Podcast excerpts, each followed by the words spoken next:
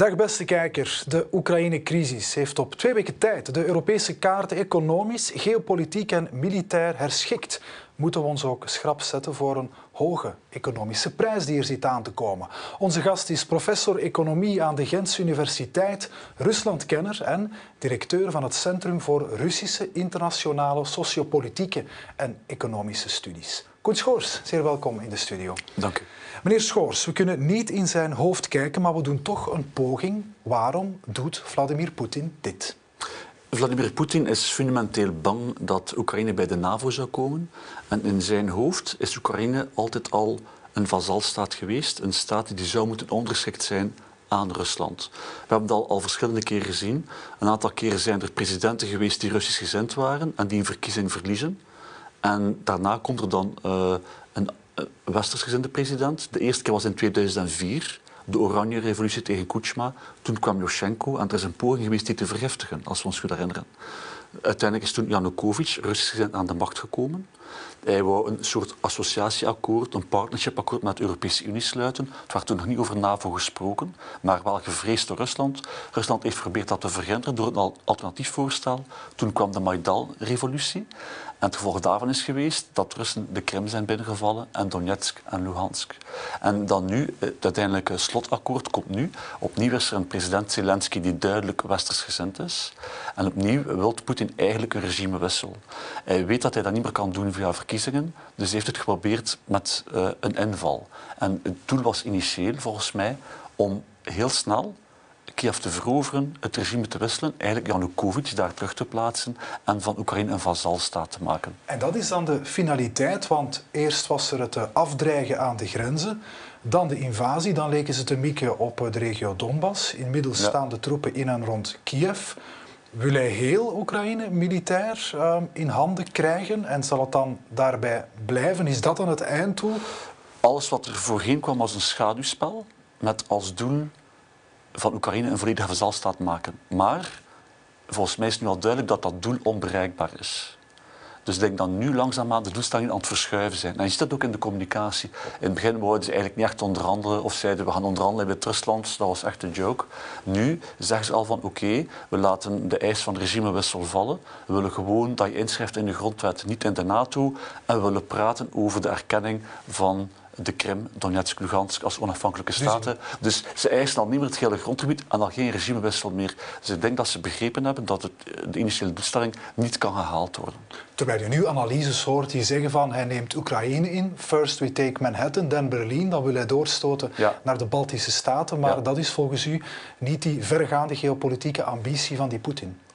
Het kan zeker zo geweest zijn, maar ik denk dat dat niet meer het geval is. Hij ondervindt dat het niet lukt. Hij dat het niet lukt. Ja. Voor de eerste keer heeft hij echt tegenstand. Dus hij heeft al verschillende keren gedaan. Hè. We hebben al sinds 92 Transnistrië, we hebben dat in Georgië in verschillende fasen. Dat is ook begonnen in 92 al. Hè. Hij was ook al een oorlog in Abhazie. Heeft hij nu Abhazie en Zuid-Ossetië in drie fasen eigenlijk. Dan heb je de Krim gekregen, Donetsk, Lugansk. Dus, en iedere keer is dat gegaan bijna zonder slag of stoot. Met een beetje symbolisch protest of echte sancties, maar niet echt vervelend. Dus hij dacht, ik ga hetzelfde scenario voor de zoveelste keer herhalen. Het Westen is toch decadent, zwak, afhankelijk van mijn olie en gas. Ze zullen niet echt protesteren. En op twee dagen is dat gelukt. En voilà, nu ben ik content. Maar voor de eerste keer botst hij tegen echt verzet. En dat is, zoals ze zeggen, dat was buiten de waard gerekend. Dat is volledig buiten de waard gerekend en hij heeft niet goed begrepen. Hij, misschien als je heel lang aan de macht bent, is er op duur niemand die nog echt zegt waar het op staat in je omgeving. En je begint je eigen leugens en verhaal en propaganda te geloven. Dus het verhaal dat Poetin vertelt aan zijn eigen bevolking was uh, wij komen daar als bevrijders. Russische mensen worden daar gediscrimineerd, benadeeld. Wij gaan daar verwelkomd worden als bevrijders. En veel van de Russische militairen die daar zijn, geloofden dat ook.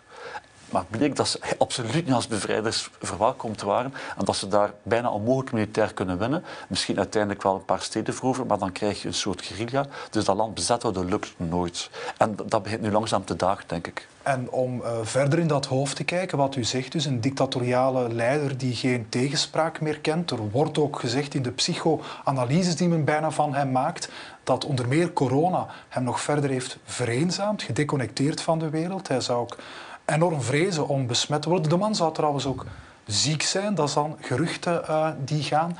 Ehm, is daar iets van aan? Ik heb natuurlijk geen inzage in het medisch bulletin van, zeggen, uh, van Poetin. Is de, man, is de man gek? Dat hoor je dan. Uh, wel, uh, in elk geval, hetgeen wat je in het begin zei, is heel zeker waar. Hij is steeds meer geïsoleerd. Dat gebeurt trouwens met elke autocraat. Na een tijdje isoleer je jezelf als je dan aan de macht bent. Want elke autocraat is fundamenteel, de eerste emotie is angst. Want er is geen normale manier om een machtsovername te laten gebeuren. Dus je bent altijd bang voor een opstand van de bevolking, of voor een paleisrevolutie, of voor een buitenlandse inval, de NATO.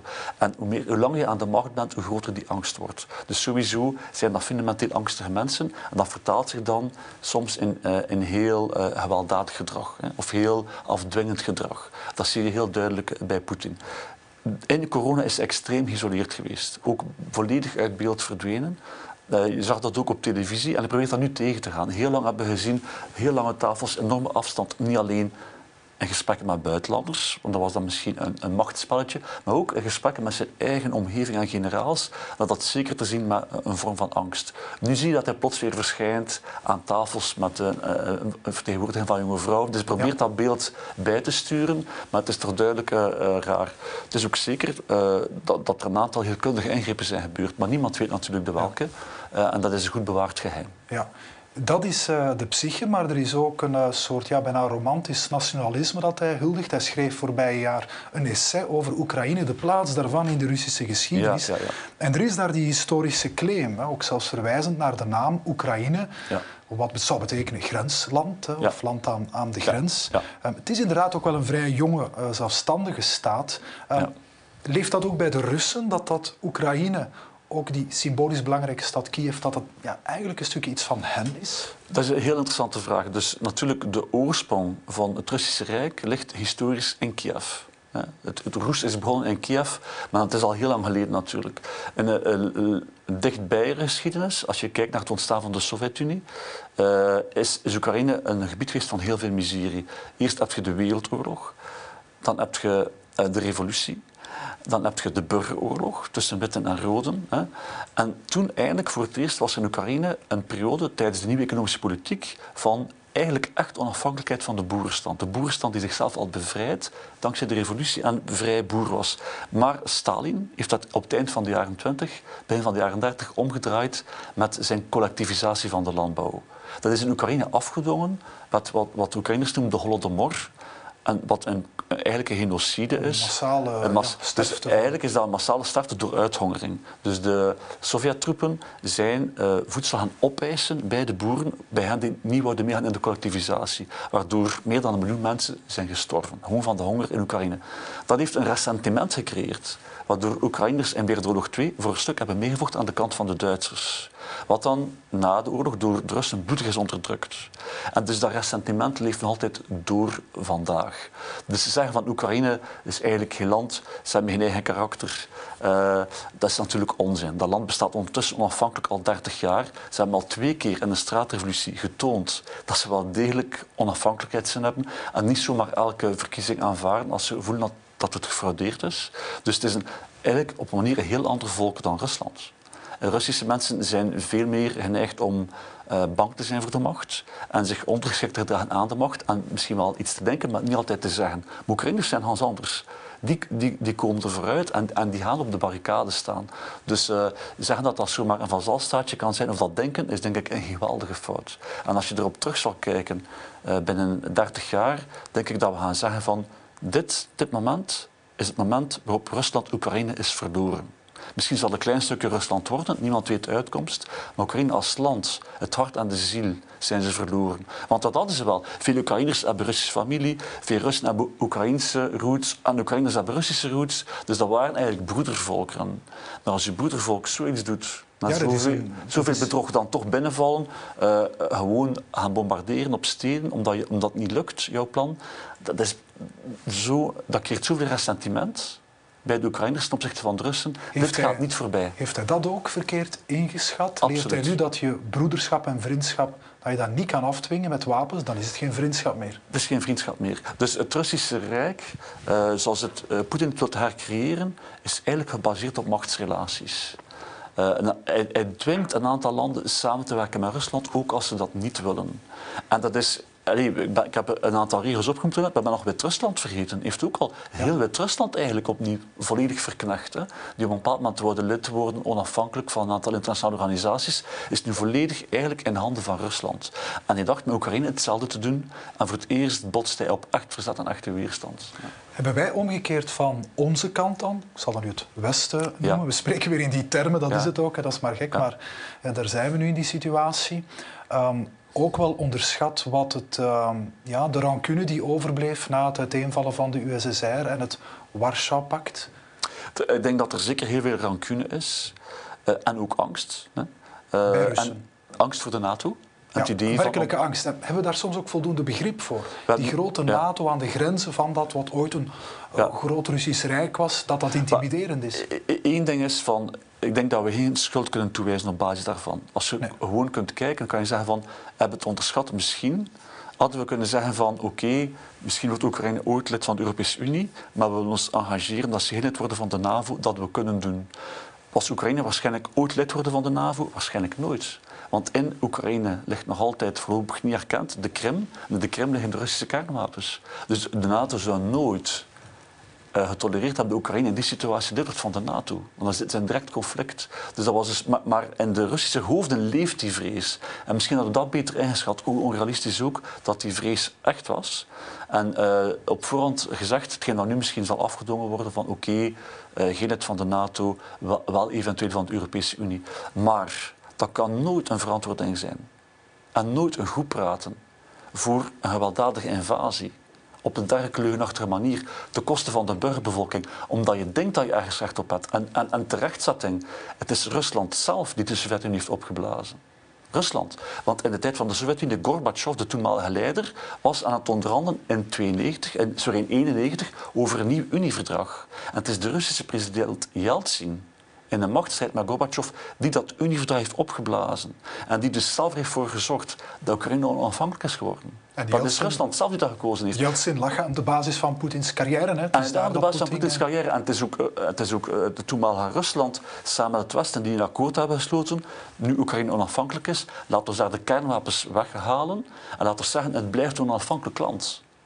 Dat kan je nu niet het gaan opeisen en binnenvallen. Je schendt alle akkoorden, je schendt alle redelijkheid. Dus mensen die zeggen van het is onze schuld, dat vind ik echt absoluut flauwekul. Wel kan je zeggen van, was het goed geweest? Beter begrip te hebben en daar rekening mee te houden. Natuurlijk is dat goed. Een van de fouten die wij gemaakt hebben en die, die we nu opnieuw dreigen te maken is de volgende. Na de val van de Sovjet-Unie heeft iedereen in het Westen de studiecentra over Rusland, de Sovjetologiecentra, afgebouwd en stopgezet. Wij hebben in Gent het omgekeerde gedaan. En nu dreigen we opnieuw hetzelfde mee te maken. Een aantal mensen zeggen, ja, dat, dat Syrize en dat Rusland-platform schaft dat af als een symbolische daad. Maar ik zeg, nee, je moet het omgekeerde doen. Rusland blijft een grote en, zoals je nu goed beseft, een gevaarlijke buur, waar we deels van afhankelijk zijn voor gas. En dat zal voor een stuk zo blijven. Kan niet volledig ongedaan gemaakt worden. Wel, dan moeten we weten wat daar gebeurt, snappen wat daar gebeurt. Dus het is niet omdat je het bestudeert dat je het steunt. Maar je moet het wel blijven bestuderen. Kennis over Rusland is belangrijk. Want die reflectie hier nu natuurlijk ook. Uh, Rusland wordt door die sancties en wereldwijd economisch langs alle kanten geïsoleerd. Goed en wel, maar zelfs los van de uitloop van dit militair of diplomatiek conflict is daar de damage done. Dat is aan de gang. Uh, tegelijkertijd zou ik u denken, beter een uh, goede buur dan een verre vriend. Dat land is ons Europees buurland. We moeten die ja, blijven kennen. Er was hier vorige week ook een ja. trendstak um, met uh, Johan Verplaats. Uh, Schneider Electric is de voorzitter van de Europese werkgeversvereniging in Rusland. Voilà. En die uh, doet daar al 30 jaar zaken, leeft in Rusland en zegt dit is onder meer het gevolg van 20 jaar onbegrip, van stereotypen dat we in het Westen en Rusland over elkaar hebben. Om nogmaals tot dat punt te komen, je kan je buurman maar beter goed kennen. Daarom moet het nog geen vriend zijn, maar toch. Maar ik wil opnieuw een onderscheid maken tussen Rusland als land en het regime. Ja. Ik denk dat Johan Verplaatsen nooit zou zeggen dat hij een grote fan is van het regime. Nee. Uh, maar uh, iets anders te zeggen van ik kan met Russen samenwerken, ik kan daar uh, op een vredevolle manier dingen gaan doen, dat kan natuurlijk maar niet met het huidige regime. Dus willen we naar Rusland als land, als het bereid is echt samen te werken op termijn, een relatie, ja. Maar moeten we nu doen nu kunnen we niet aanvaarden dat dat regime, de keuze van dat regime, dat, dat is een rode lijn die overschreden is, een morele rode lijn. Dat kan je gewoon niet doen. En, dat, en ik denk dat Rusland dat fundamenteel niet begrijpt, of het huidige regime, dat in Europa normen en waarden op een bepaald moment echt belangrijk zijn. Ja, want daarvan dacht Poetin, het Westen is decadent, dat is zo'n stereotype. Ze denken alleen aan geld, ja. ze zijn verzwakt, ja. Um, ze zijn niet meer strijdvaardig en laat staan eensgezind. Heeft de Europese, de samenhorigheid die we de voorbije twee weken zagen, voor zolang dat duurt, zou hem dat uh, verbaasd hebben?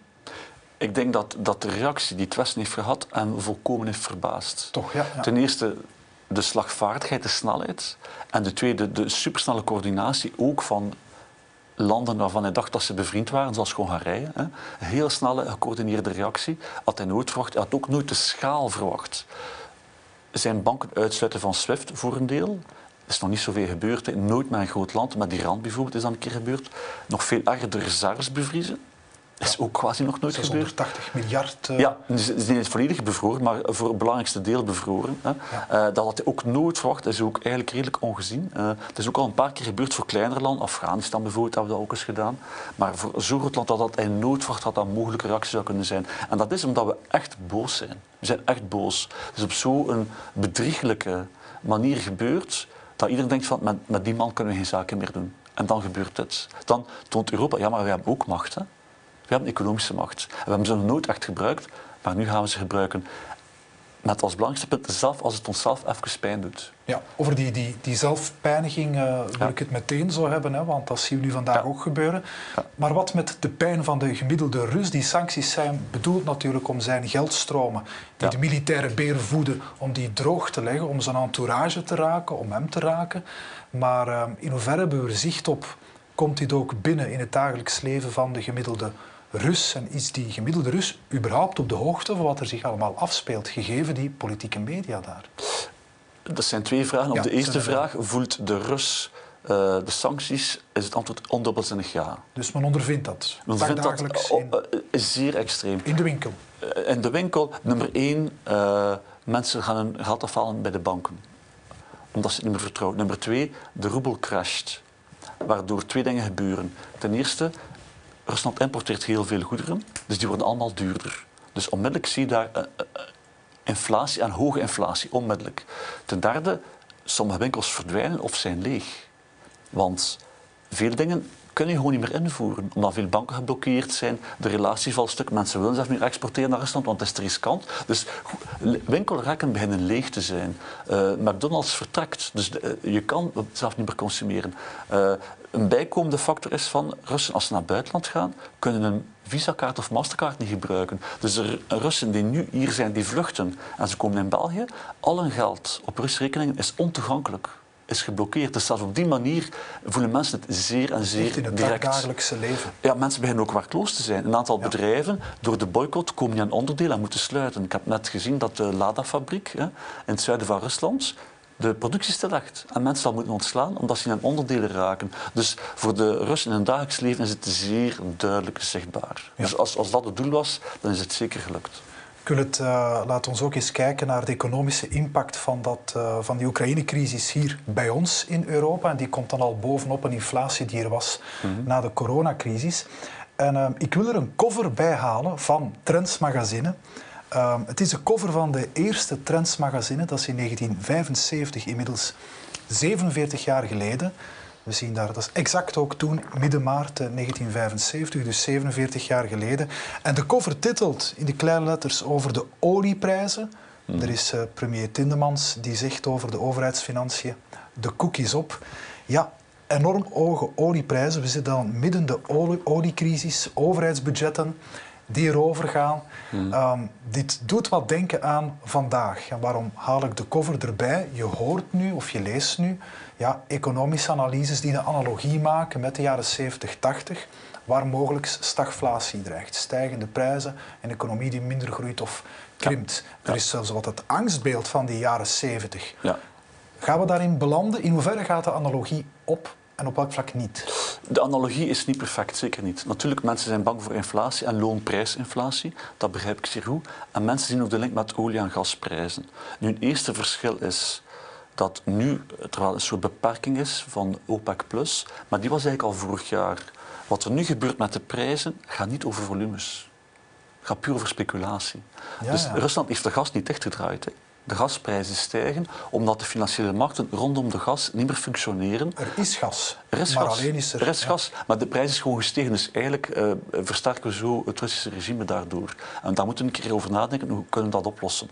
Maar het probleem is niet, zoals in de jaren 70, dat massaal de kraan wordt dichtgedraaid, dat het aanbod is verminderd en dat er echt moleculen tekort zijn. Er zijn geen moleculen tekort, er is eh, paniek op de markt en daardoor stijgen de prijzen. Dus natuurlijk moeten we een keer nadenken van, kunnen we daar niet iets aan doen en kunnen we niet tijdelijk eh, eh, het marktsysteem een beetje aanpassen.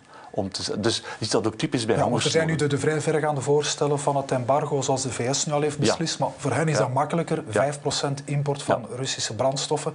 Bij ons bijna 40% Ja. in Europa. Maar zo'n embargo op gas en of olie, Ja.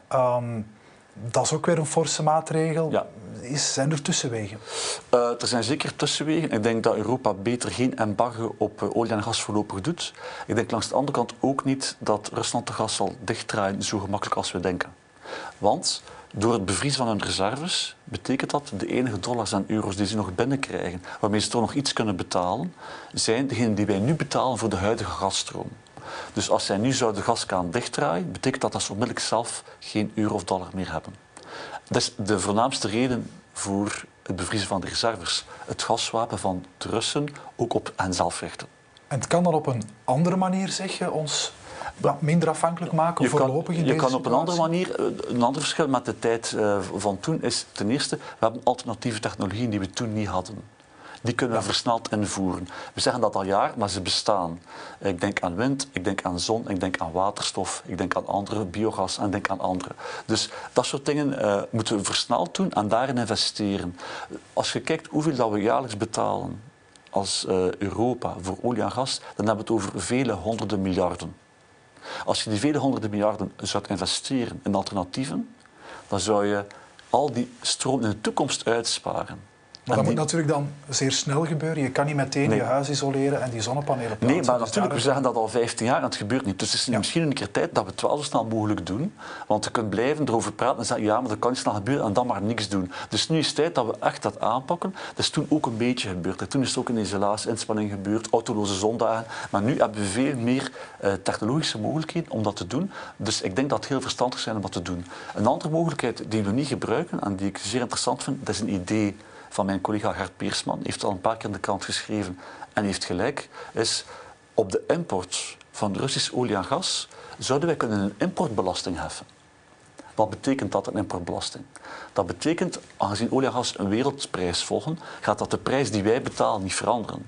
Dat betekent gewoon van van die prijs gaat er minder naar Rusland gaan en meer naar onze overheid. En voor onszelf, op onze factuur, maakt het dan geen verschil. Het speelt enkel op de internationale markt. Het speelt op de internationale markt, maar daar is Rusland nog altijd een klein genoeg speler om de prijs niet al te veel beïnvloeden. Dus dat betekent uiteindelijk eh, dat de overheid meer inkomsten krijgt en de Russische overheid minder. Met die bijkomende inkomsten zou de overheid kunnen zeggen, we gaan die mensen die de gas- en elektriciteitsrekening niet kunnen betalen door die prijsstijging, die gaan we compenseren. En we gaan die belasting op Rusland daarvoor gebruiken. Maar niet de B2 voor iedereen verminderen. Want het feit dat de, stijgen, dat de prijzen stijgen is goed. We willen die versneld investeren om op te schakelen. Hoe hoger de prijs, hoe beter die investering rendabel is en hoe meer mensen zullen investeren. Maar je mag geen sociale drama's creëren. Dus een veel beter systeem is een sociale compensatie voor die drama's. Niet voor iedereen de BTW verlagen.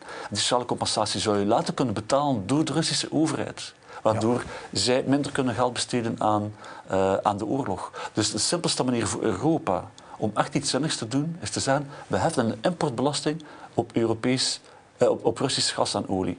Die importbelasting moet je zodanig doen dat het nog net rendabel is, boven de marginale kosten Maar geen winstkoe of geen Maar, geen- maar geen cash cow meer. En dat de groot deel van de winst bij ons komt. Dat is eigenlijk wat zij doen. Wat doen ze eigenlijk, de Russen? Ze hebben een soort exportbelasting en een winstbelasting op de bedrijven. Dus wat doen zij? Op het moment dat olie naar buiten gaat, die bedrijven krijgen een stukje, maar het grootste stuk gaat naar de overheid. En de overheid zegt in haar budget in Rusland, als de prijs eh, hoger is dan een bepaald bedrag, gaan we het sparen in dat spaarpotje. En dat is die 640 miljard. Kijk dus. En dat kunnen we dus omdraaien. Eigenlijk halen we het idee bij henzelf. Hè. Dus, Haal die idee bij henzelf. Dus laten ze dat doen, dat is een goed idee. Mensen zeggen altijd, ja, maar dat gaat niet werken, dat gaat de prijs op, dat gaat prima werken. Je kunt dat gewoon installeren. Uh, importbelasting zijn Europees beleid. Dus ik stel voor dat Europese leiders daar een keer goed over nadenken. Uh, met economen praten om uit te leggen dat dat de prijs niet per se verhoogt, dat dat vooral de overheidsinkomsten verhoogt. En daarmee zou je kunnen burgers die het nodig hebben compenseren en de rest investeren in alternatieven zo snel mogelijk. Dat is het aansturen van de gas- en olieprijzen. Dan is er ook het Europese monetaire beleid. We zitten met die inflatiecijfers vorige maand Europa 5,8 procent. Voor ons land zal het deze maand lag het hoger naar 10 procent gaan. Ja, dat is, dat is eh, enorm en lang niet uh, ja, ja, gezien. nu, de Verenigde Staten plannen aan hun koers te houden uh, met de verlagingen, met de, sorry, de renteverhogingen. In Europa was men dat ook van plan. Maar ja, nu zitten ze toch in een moeilijke situatie, de ECB. Je kan niet tegelijk de rente verhogen tegen inflatie en verlagen om de mindere groei tegen te gaan. Die staan in dubio. Wat zullen ze doen? Misschien ja. alvast de geplande verhoging verder voor zich uitschuiven. Er zijn verschillende dingen die je kan doen. Uh, ten eerste kan je proberen inflatie naar omlaag te krijgen. En wat de Europese Unie heeft toegestaan eigenlijk, door te gaan kijken, een stuk, van de, een stuk van de gasprijs gaat niet naar Rusland, maar naar winst van productiebedrijven. Want als de gasprijs stijgt en de olieprijs stijgt, betekent dat de alle elektriciteitsprijzen stijgen, ook die van nucleair, wind, zon, die eigenlijk hun kosten niet zien veranderen. Dus wat zou je kunnen doen? Op een of andere manier een stuk van die extra winsten gebruiken om energiefacturen uh, te verminderen of mensen die het nodig hebben te compenseren, dus niet voor iedereen. Dat is iets dat we zeker kunnen doen, maar daardoor gaan prijzen een stuk omlaag en krijg je ook minder inflatie. Hetzelfde, de Europese Unie heeft nu ook gezegd van voor gas, we, laten de mogelijkheid toe dat gasprijzen gereguleerd worden, tijdelijk. We willen niet uh, verzanden in een systeem van, uh, van overheden die prijzen bepalen. Maar nu, in deze noodsituatie, kun je een soort metafoor trekken met hongersnood. We weten uit economisch onderzoek dat hongersnood dikwijls niet heeft te maken met tekort aan voedsel, maar met de vrees aan het tekort aan voedsel, waardoor er speculatie ontstaat. Een aantal spelers in de markt beginnen dan voedsel op te potten, waardoor dat er de facto tekort ontstaan en prijzen stijgen. En dan krijg je hongersnood. Terwijl als je zou zeggen van nee, we gaan, mensen, eh, we gaan die prijsvorming beperken, neem je ook de incentive voor speculatie weg. Als je zegt, nee, we gaan de prijzen niet op het laagste niveau dat ze waren. Nee, het zijn nu hoge prijzen, maar we gaan de verdere stijging aftoppen. Dan heb je geen incentive meer om te gaan speculeren. En zal vanzelf de prijs dalen. En dat tijdelijk doen in tijden van crisis is een goed idee. Want in tijden van crisis, net als in tijden van hongersnood, werkt het pure marktsysteem niet. Dan heb je een overheidsingrijpen nodig, want de speculatieve vraag, die vraag wil je eruit. Want zoals ik zei, er zijn moleculen genoeg voor de verwarming. Maar gewoon te veel moleculen gaan naar speculatieve vraag. Waardoor iedereen te veel betaalt en Rusland meer geld krijgt. Dus zo schieten we onszelf in de voet. De Europese Unie heeft dan nu toegelaten dat dat gebeurt. Ik denk dat een aantal landen dat nu serieus bekijken zijn. Hoe doen we dat en hoe maken we zeker dat dat tijdelijk is? Maar je wilt niet zoiets installeren en dan in de toekomst zitten met prijsregulering. Je wilt terug naar een markt, maar tijdelijk in omstandigheden van oorlog moet je dat misschien ernstig nemen en echt bekijken. En trouwens, over het uh, speculeren op prijs. U zegt er zijn moleculen genoeg. Er is in de wereld waarschijnlijk ook graan genoeg. Maar een pak van dat graan komt uit die graanschuur van Europa, Oekraïne en Rusland. En Rusland, ja, en, Rusland. en daar zie je ook weer grote risico's. En vaak zie je ook een parallel tussen eh, stijgende graanprijzen, voedselprijzen en sociale conflicten. Ja, ja, dus eh, het, lijkt redelijk zeker dat graanprijzen zullen stijgen. Als dat conflict uh, nog lang duurt, zal inzaaien moeilijk zijn zal oogsten nog moeilijker zijn. Rusland zou kunnen export blokkeren, dat hebben ze al eens eerder gedaan. Rusland heeft ooit een aantal jaar geleden grote bosbranden gehad, waardoor ze zelf intern een eigen graantekort hadden. En de reactie was toen de export stopzetten. Wat je kan begrijpen, maar dat betekent ook dat ze nu dezelfde reactie zouden kunnen hebben. Dus, dus het is natuurlijk mogelijk dat er graantekorten zouden zijn. Nu natuurlijk, we moeten nog staan voor de komende zomer. Hè. Dus het, het, lijkt, het lijkt mij zinnig om nu al in landbouwbeleid te anticiperen en te zeggen van oké, okay, uh, blijkbaar is het dus toch belangrijk om meer voedselonafhankelijkheid te hebben. En een deel van het budget kan misschien daarnaar gaan, om meer voedselonafhankelijkheid te creëren. Hè. Uh, natuurlijk, langs de andere kant zou je kunnen zeggen van als het conflict snel gedaan is, wat we niet weten, wat iedereen hoopt, maar wat niet heel zeker is. En de kans bestaat dat het niet zo is. Maar als het conflict natuurlijk stopt, zal er geen probleem zijn. Ja. Dus dat is een moeilijke afweging. Als, dat, als het fout loopt, zal onvermijdelijk ook de voedselprijzen stijgen. En dus daarom zeg ik van, we moeten de elektriciteitsprijsstijging en die gasprijsstijging in de mate van het mogelijke beperken. Want uh, hoe lager dat we de inflatie kunnen houden, hoe minder dat nodig is dat de ECB de rente sterk verhoogt wat ze anders wel zullen moeten doen. En als de ECB de rente sterk verhoogt, krijgen we een rentesneebal. Want we mogen niet vergeten, de overheid, uh, tekorten zijn groot, er zijn overheidsschulden, maar nu is de rente verwaarloosbaar. Eigenlijk heb je een positieve rentesneeuwbal. De schuldgraad in België is al vorig jaar gedaald, omdat de rentesneeuwbal positief werkt. Maar als je natuurlijk verplicht wordt door galopperende inflatie, loonprijsinflatie, de rente te verhogen, dan heb je echt de verschrikkelijke keuze van de ECB. Wat moeten we kiezen? Inflatie beperken of de rentesneeuwbal eh, vermijden en dus eh, de overheden in eh, een soort in, problemen brengen. En dat is een moeilijk evenwicht om te zoeken. Dat moeilijk evenwicht zoeken kan je vergemakkelijken door de mate van mogelijke inflatie te beperken op andere manieren. Dus het zou zeer verstandig zijn om dat nu te doen. Ja, Um, professor Koen Schors, um, ik zou graag nog lang verder met u spreken, want inderdaad, die, die duiding hebben we ook nodig in een wereld die trouwens nu dag na dag bijzonder snel verandert. Je kan het niet bijhouden wat er allemaal gebeurt en dat in onze achtertuin. Maar helaas zit onze tijd erop. Ik wil u zeer hard bedanken. Dank u wel. En u ook, eh, beste kijker. Fijn dat u bij ons was. Kom eh, volgende week zeker terug. Collega Francesca van Tielen gaat dan in gesprek met de trendsmanager van het jaar. Wie dat is, dat uh, blijft nog een verrassing. Aanstaande woensdag 16 maart is er het gala van de Trends Manager van het jaar. En kennen we de winnaar van de zeer gegeerde trofee. En die zit dan meteen in de volgende Trendstalk. Dat is voor volgend weekend. Heel graag, tot dan.